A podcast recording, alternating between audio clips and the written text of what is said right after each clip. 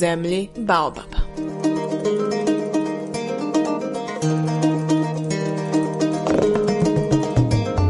Zovem se Ramajana Mabita, imam 39 godina, pa skoro 40 za dva mjeseca. E, dolazim iz Bosne i Hercegovine, ali moje stalno boravište je u Belgiji, znači u Briselu je moj stalni dom a trenutno živim u ekspatriaciji već neke dvije i po godine u glavnom gradu Madagaskara.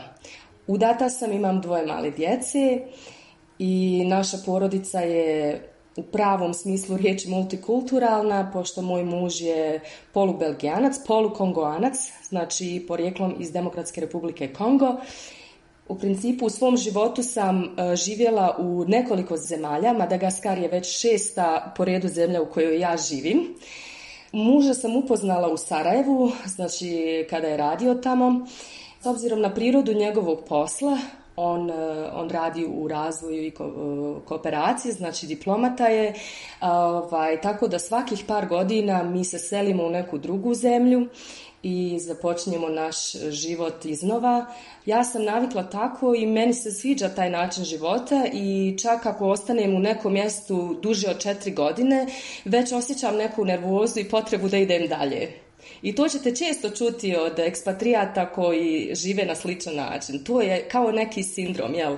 Potreba da se stalno uh, selite i da idete dalje. Međutim, kada uh, se preselite sa Balkana, iz Europe u Afriku, to je još jedna posebna dimenzija.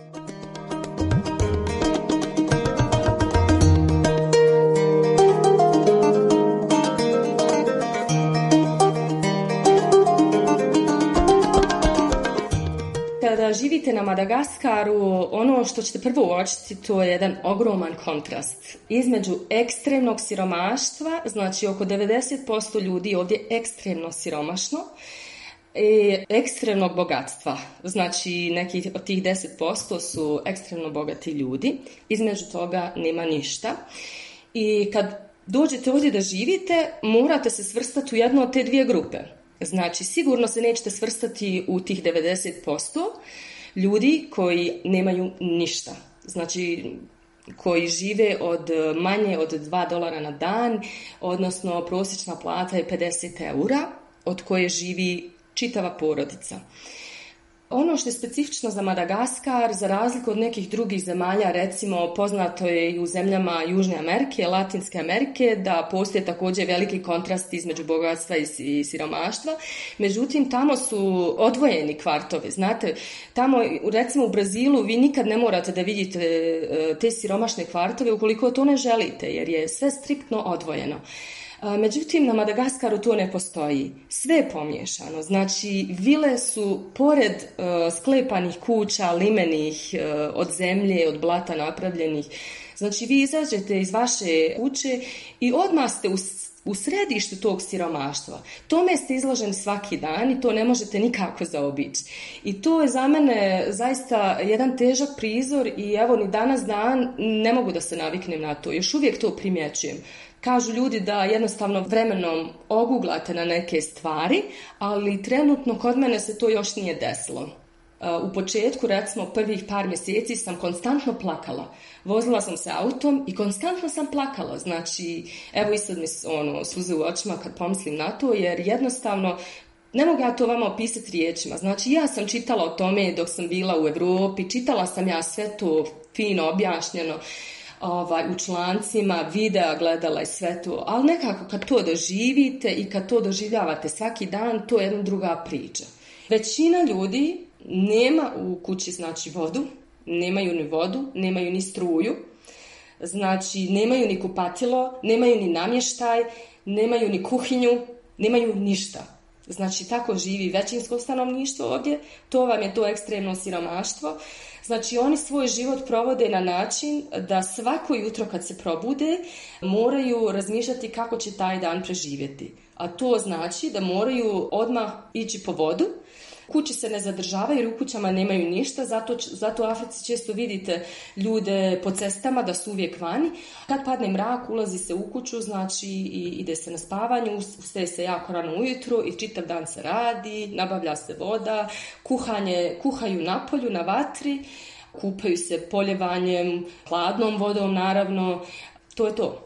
I to su jako skromni ljudi, znači, koji, koji koji, koji se zadovoljavaju tim što imaju i uopšte ne traže više od toga.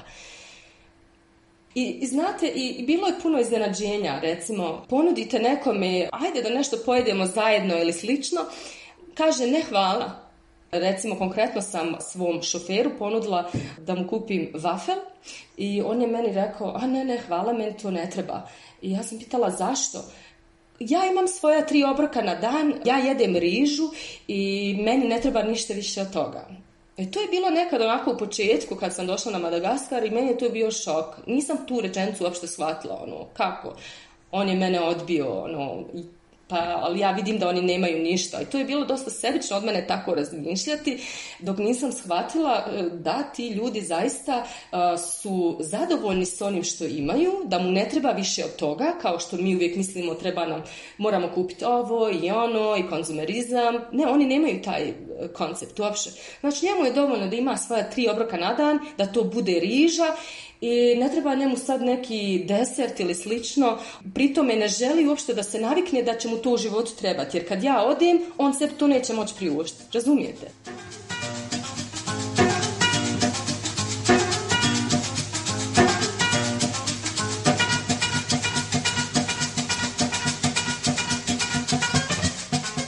I onda, znate, stvrstavate se u jednu od te dvije grupe i htjeli vi to ili ne, jer drugačije ne možete živjeti. Znači, mi kao automatski kao stranci ste u, u tom svijetu bogataša, lokalnih bogataša, to konkretno znači da, da imate supermarkete u kojima ćete se namirivati, da ćete, znači imaju određeni restorani, možete se učlaniti u ekskluzivne klubove gdje plaćate godišnju članarinu, znači možete biti isključivo član ukoliko imate godišnju članarinu.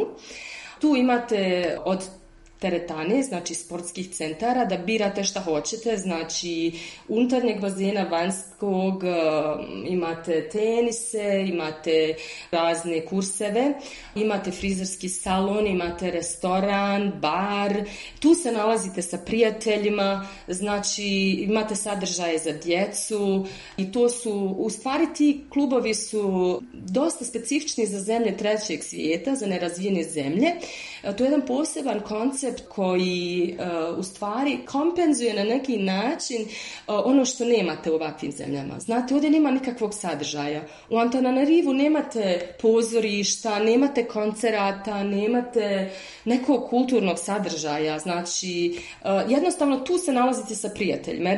ovdje nema to koncepta da se nađemo u gradu negdje. Znači, to ne postoji. Znate, nigdje se ne šeta, nema nigdje da se hoda.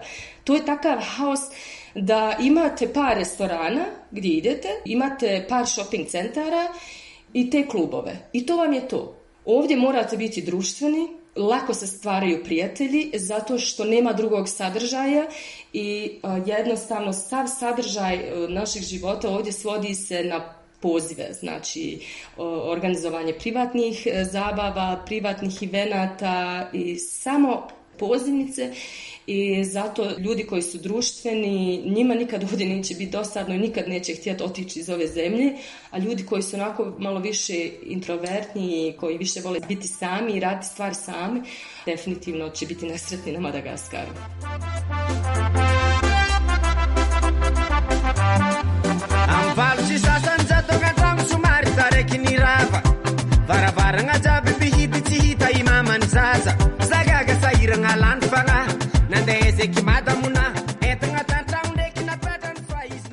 Problem je što oni nikad nisu izašli iz tog nekog kolonijalnog načina razmišljanja. To se osjeti e, čim dođete ovdje i počnete imati kontakt sa lokalnim ljudima. Čim ste vi bijelac, stranac ili imate puno novca, znači u koju god kategoriju da se svrstate, automatski se ljudi počinjavaju vama. Znači oni su pokorni, ponizni, ne gledaju vas u oči, njihov odgovor je uvijek da gospođo, da gospodine. E, tako da sa tim dijelom stanovništva e, nije moguće uspostaviti pa ne mogu reći nije moguće, teško je uspostaviti prijateljski odnos jer oni vas nikad na taj način neće gledati. Za, za njih ste vi uvijek ta gospođa ili taj gospodin i oni uvijek imaju tu neku distancu. Znači nikad ne možete se im približiti na taj način da ono pijete sad neku kafu s njima. Znači, oni imaju toliki respekt prema vama i meni to čak i smeta. Meni to jako smeta na Madagaskaru. Ja, ja sam, znači, u početku svom osoblju, uh, znači, zamolila ih da me zovu mojim imenom, napisala sam svoje ime na papir i rekla im da me zovu imenom. Nekako, što, što on mene treba zvati gospođom, mislim, mogu mi biti majka i slično. I njihov odgovor je, na to je bio da gospođo. I tako je bilo tih situacija da sam ja shvatila da se ta barijera ne može probiti nisam ja sad došla tu da, ne mogu ja to promijeniti svojim e, kratkim boravkom ovdje, to je ostalo još iz tog doba kolonijalizma, tako da je to jako, jako teško. Znači, ne kažem da nije moguće, ali je vrlo teško. S druge strane, mi imamo dosta lokalnih prijatelja, naravno koji pripadaju ovom drugom sloju društva. To mi je jako drago, jer i kroz njih učimo jako puno i, i zaista su vrlo, vrlo interesantni kao ljudi i svi malgaši, znači, su ja jako e, srdačni, jako topli kao ljudi i s druge strane su vrlo tihi i povučeni, znači e, oni sebe ne smatraju Afrikancima. Odmah da to znate, jer iako geografski pripadaju Africi, nikad vam neko na Madagaskaru neće reći da je Afrikanac. Za njih je to uvreda. Oni sebe smatraju posebnim, oni su u Indijskom okeanu i između Azije i Afrike i e, posebno što su prvi doseljenici na Madagaskaru bili iz Indonezije odnosno austronežani. Tek onda su došli Afrikanci, odnosno iz Istočne Afrike i onda su se pomiješali jel, i, e, i kultura je potpuno drugačija nego u ostatku Afrike, zato uh, haos je isti, je ona, haos na cestama i slično, ali kultura i ljudi su stvarno drugačiji. Znači, ovdje su ljudi toliko tihi da jednostavno ne, ne možete iz njih izvući rečenicu, znači, samo odgovaraju na ono što ih pitate i slično. I još nešto što je jako karakteristično za Madagaskar, da ljudi ne koriste riječ ne, nisam, neću, znači ništa što se negacije tiče i to može biti jako komplikovano kad živite ovdje i kad radite sa lokalnim ljudima. Na Madagaskaru, ja sam to nekako ovako opisala, postoje tri vrste da, jer oni uvijek afirmativno odgovaraju, uvijek. Da koje znači da, da koje znači možda i da koje znači ne. I vi morate e, interpretirati koji je odgovor bio i to možete učiniti tek kad dovoljno dugo živite ovdje po izrazu lica, recimo nekad prevrnu oči ili pogledaju u stranu i slično. Znači to su onako neke delikatni detalji. u početku su svi ljudi isfrustrirani tim, jednostavno ono, vi, pitate, pogotovo u poslovnom svijetu pitate da li ste nešto završili, on će uvijek odgovor da, ali nije to uradio, jer ne, ne može reći ne, ne mogu ljudi reći ne, znači svim silama izbjegavaju reći ne i onda to naravno mi koji smo navikli da smo direktni, da jel ono kažeš ono što misliš, to ovdje ne postoji. Oni su toliko ljubazni i toliko imaju respekt da nikada ne koristi riječ ne i ja sam pitala čak e, lokalne ljude e, iz nižih slojeva kako oni međusobno u kako svoj djecu uče to, a oni su rekli jednostavno da ih uče da zaobiđu, jel, da, da na drugačiji način izraze tu riječ ne. Nikad je direktno neće upotrijebiti. Uvijek će nekako afirmativno reći, pozitivno. I kad pitate da li ste nešto uradili, on kaže da, ali niste, evo ja sam sad provjela, niste to uradili, da nisam. E, tako nekako, ali to dok dođete do toga morate postaviti puno, puno pitanja i potpitanja da biste došli do tog odgovora.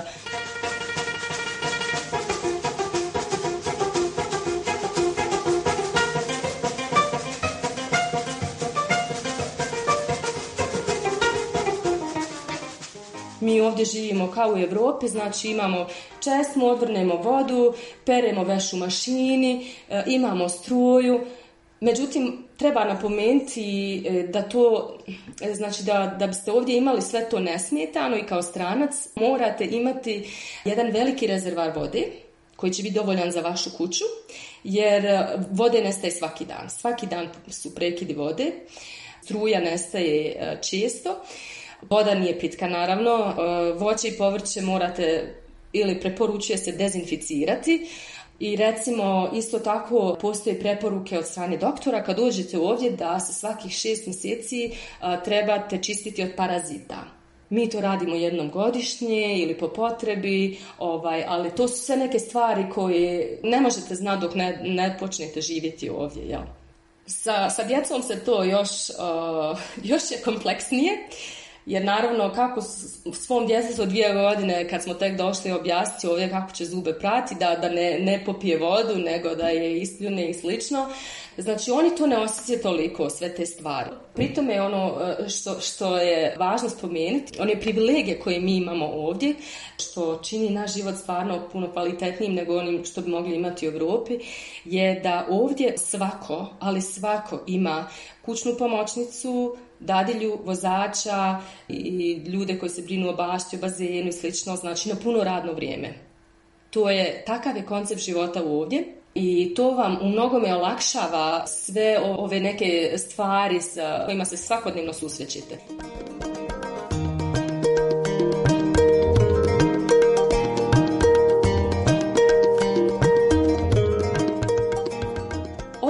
Što se tiče djece, mislim da je ovo super zemlja za, zvuči čudno, ali je dobra e, zemlja za malu djecu. Naglašavam za malu djecu, za tinejdžere i veću djecu može biti malo teže, ali za malu djecu je odlično. Imate super škole ovdje, znači ovdje djeca stranaca idu u internacionalne škole, znači imate američku, britansku i francusku školu. S druge strane, moja djeca su non stop polju, znači moja djeca ne znaju šta, šta znači igrati se u kući bukvalno ono ko nekako iz mog djetinjstva kad, kad nas je mama učirivala ono, kad smo bili prljavi, kad smo znači svaku noć morali nas riba, tako i ja svoj djecu ribam svaku noć njihove noge, znači stopala bi im budu crna, nekad se, imamo one četkice, ribamo znači nekad ne možemo očistiti jer jednostavno su uvijek bosi bosi, uvijek. Mi živimo u jednom parku, a ja to zove mala džungla, toliko egzotičan i oni su svaki dan tu, znači svaki dan odaju, znači u tom parku u suhoj sezoni imaju ogromni paukovi, to su ono veličine ruke, ima ih na milion i moja djeca tu normalno šetaju, oni uzmu fino štap i onda samo skidaju te paukove i prolaze tu najnormalnije. i Njima je to super avantura. Oni su se navikli na sve moguće insekte, gmizavce, životinje. Znate, mislim, meni je to privilegija da moja djeca igraju se sa kameleonima. Nama kameleoni dolaze svake kišne sezone u bašti, imamo ih nekako tri, četiri u bašti i moja djeca znaju više o kameleonima i ovim nekim životinjama odavdje nego mačkama i psima. I tako mene moja čerka mola da mi nabavimo mačku jer je njoj to egzotika i morala sam joj nabaviti mačku znači jer njoj su kameleoni najnormalnija pojava i gekoni znači i gekoni e, s njima živimo. oni, to su oni gušteri, egzotični gušteri i morate se naviknuti na to da će on živjeti s vama u kući. Oni hodaju po zidovima, sakrivaju se preko dana i samo naveče počnu izlaziti. Oni jedu komarce, što je super jer imamo jako puno komaraca u kući i moja djeca su nakla na to, budu u njihovim sobama, to je skroz normalno za njih. Tako da imaju taj dodir sa prirodom, to je zaista luksuz na današnje vrijeme. Oni nisu svjesni toga sada, ali bit će jednog dana. I vjerujte mi, mi smo tek ovog ljeta prvi put otišli u Europu nakon dvije godine, odnosno moja djeca i muž. I samo da vam kažem da, da djeca koja su navikla na ovo što mi imamo ovdje, što ja smatram luksuzom, Znači, njima je luksus otići u Europu. Moja čerka, ona se divi metrojima, tramvajima, semaforima, parkovima, špilplac. Znači, nju je to, ono, ne, mogu vam pisati, znači, mene je bilo stid, ja sa djecom u autobusu i moj sin ovaj, govori, ono, ima ekran u autobusu u Briselu, jel? Ja vidi, ima televizor u autobusu. Znači, ja se ono crvenim, ljudi me gledaju ono odakle ste vi i slično, dive se zgradama sa staklima i slično, znači to je, to je jednostavno, moramo prihvatiti, to je za njih egzotika i njima je tamo to super zato što to nemaju ovdje, a da su tamo bilo bi im super da budu ovdje jer ovo nemaju tamo.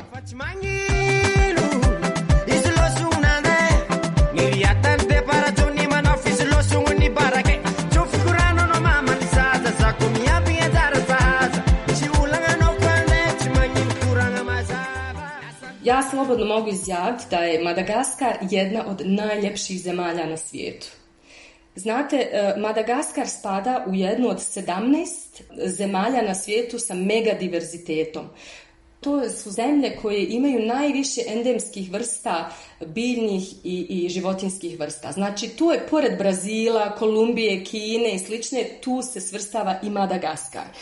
To vam znači da sve što vidite na Madagaskaru, znači 90% stvari koje ćete ovdje vidjeti, postoji samo ovdje i nigdje više na svijetu.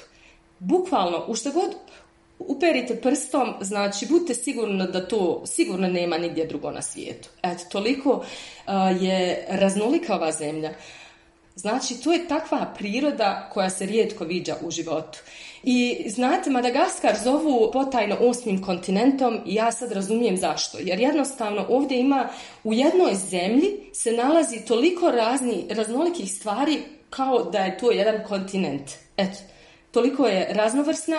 E, na istoku je prašuma, džungla, tropska klima, tu imate uh, sjajan biljni životinski svijet.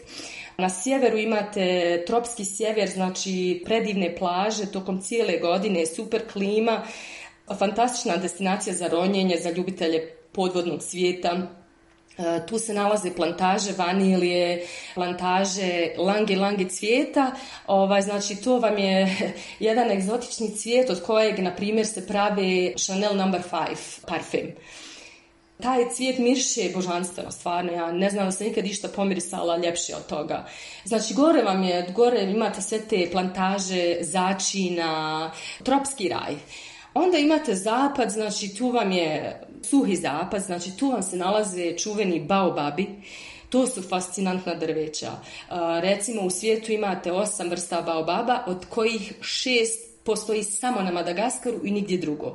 Fascinantno. Imate, e, poznati su po mangrovama, po kamenoj šumi, znači to vam je cingi, to, je, to imate na više mjesta Madagaskaru, a ta cingi kamena šuma na zapadu je pod unesco u kulturnoj baštini. I potom imate jug, hajmo reći pustinjski jug, to je veoma suho područje, znači tu imate pustinju koja se spaja sa morem i e, tu prolazite pored e, planina i kanjona poput onih u Arizoni. Znači, ne možete vjerovati da ste u Madagaskaru. Jednostavno mislite kao da ste na nekoj ono, od onih cesta u Americi. Jednostavno, to su pejzaži koji ostavljaju bez daha.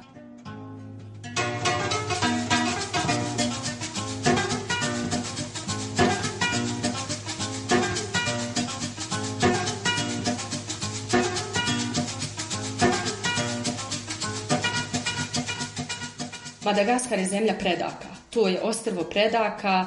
Čitav njihov život se svodi na to, znači da pokojnici, jel, ovi e, ljudi koji su preci, su svjetinja za njih i oni se ne smatraju mrtvima, nego e, su oni živi u nekom drugom obliku i oni su kao neka spona između živih i božanstava. Mislim, nama je to onako sve ono, jel, e, abstraktno i, i čudno, jel, ali nemate pojma koliko je to znači ovdje ljudima. Znači, ne, ne možete šalt na taj način. Preci su njima sve. Evo recimo primjer iz e, običnog života. Recimo ovdje je riža sve u životu. Znači, ljudi jedu e, više riže nego kinezi i e, imate jako puno rižnih polja i terasa na Madagaskaru, to je ono što ste prvo primijetili.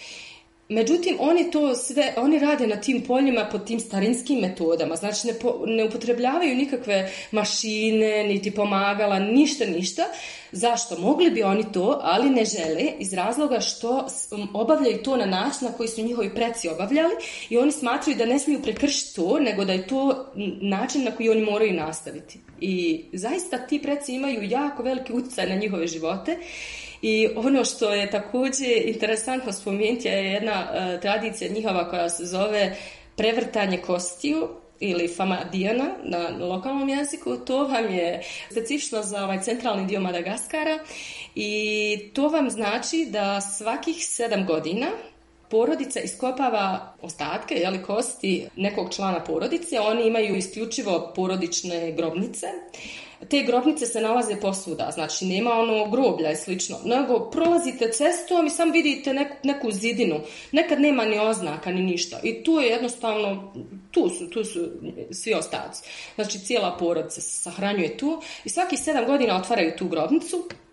i vade kosti, znači odmotavaju i to je velika fešta, to je za njih najveće slavlje koje postoji pozivaju se prijatelji, ljudi, naravno koje je to u mogućnosti financijski podržati, jer to je za njih jako skupo. I onda ovaj pojenta je znači da moraju promijeniti taj prekrivač u koji je ta osoba bila umotana i koristi se neki poseban materijal, znači onako svečaniji materijal i onda se mijenjaju to i ta, ti se, te se kosti u tom e, prekrivaču nose po cesti, slavi se, pjeva se, čujete muziku i, i to je znači nešto što je specifično za Madagaskar, ali ima jedna e, tamnija strana, to je da, da upravo taj ritual uzrokuje kugu vrlo često ovdje, zato što jel, dolazi u dodir s tim, ako je ta osoba isto umrla od kuge, znači to se širi i nažalost e, pokušava se to nekako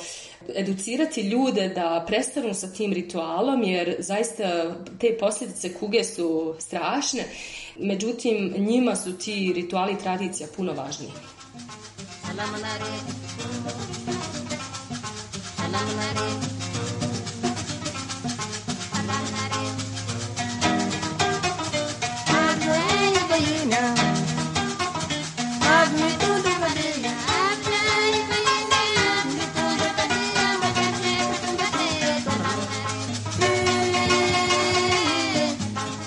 Ja slobodno mogu reći da me Madagaskar temeljito promijenio kao osobu, u pozitivnom smislu naravno. E, stekla sam toliko neko duhovno bogatstvo, iskustvo koje se ne može platiti novcima. Znači moramo redefinisati neke pojmove kad živite u ovakvoj zemlji i zaboraviti na onu terminologiju koju mi inače koristimo, nego se nekako ovaj, e, integrisati i, i preuzeti ovog e, kako je, kako je tu lokalno. Na primjer, e, više ne smatram kišu samo kišom. Znate, kiša je, može značiti život. Kiša ovdje je sve, znači ljudi je koriste da bi pili vodu, da bi prali veš, kiša je igralište, znači ovdje kad padne kiša lokve se stvaraju, to je djeci ogromna radost, znači toliko se igraju, tako da jednostavno ne gledate isto više na stvari, nikako. I postanete osjetljiviji i nekako se malo više spustite na zemlju, znate. I kad vidite koliko ljudi nemaju, onda i vi nekako e, svaki put kad nešto hoćete kupiti ili baciti, razmislite dva put. Razmislite dva put, ovdje se ništa ne baca. Znači, ja ne bacam, ovdje ne recikliram flaše kao u Europi, ali ih recikliram tako što moje osoblje, znači, sve flaše nosi kući, sve. Znači, u torbama, e, tegle, nose kutione od, od pudinga i slično, Tu se sve koristi ovdje. Tu mogu biti igračke djece. Evo recimo neki dan je dadilja odnijela čepove od pive, znači čepove i objasnila nam se kako, kako se njen sin igra s tim, znači to je njemu igračka i slično. Hranu, hranu ne bacamo, znači sve, sve se koristi, sve i, i to me je temeljno promijenilo, znači više nikad ne mogu to baciti ili nekako ono trošiti u nedogled, uvijek dva put razmislim, jer znam kako, kako neki ljudi žive.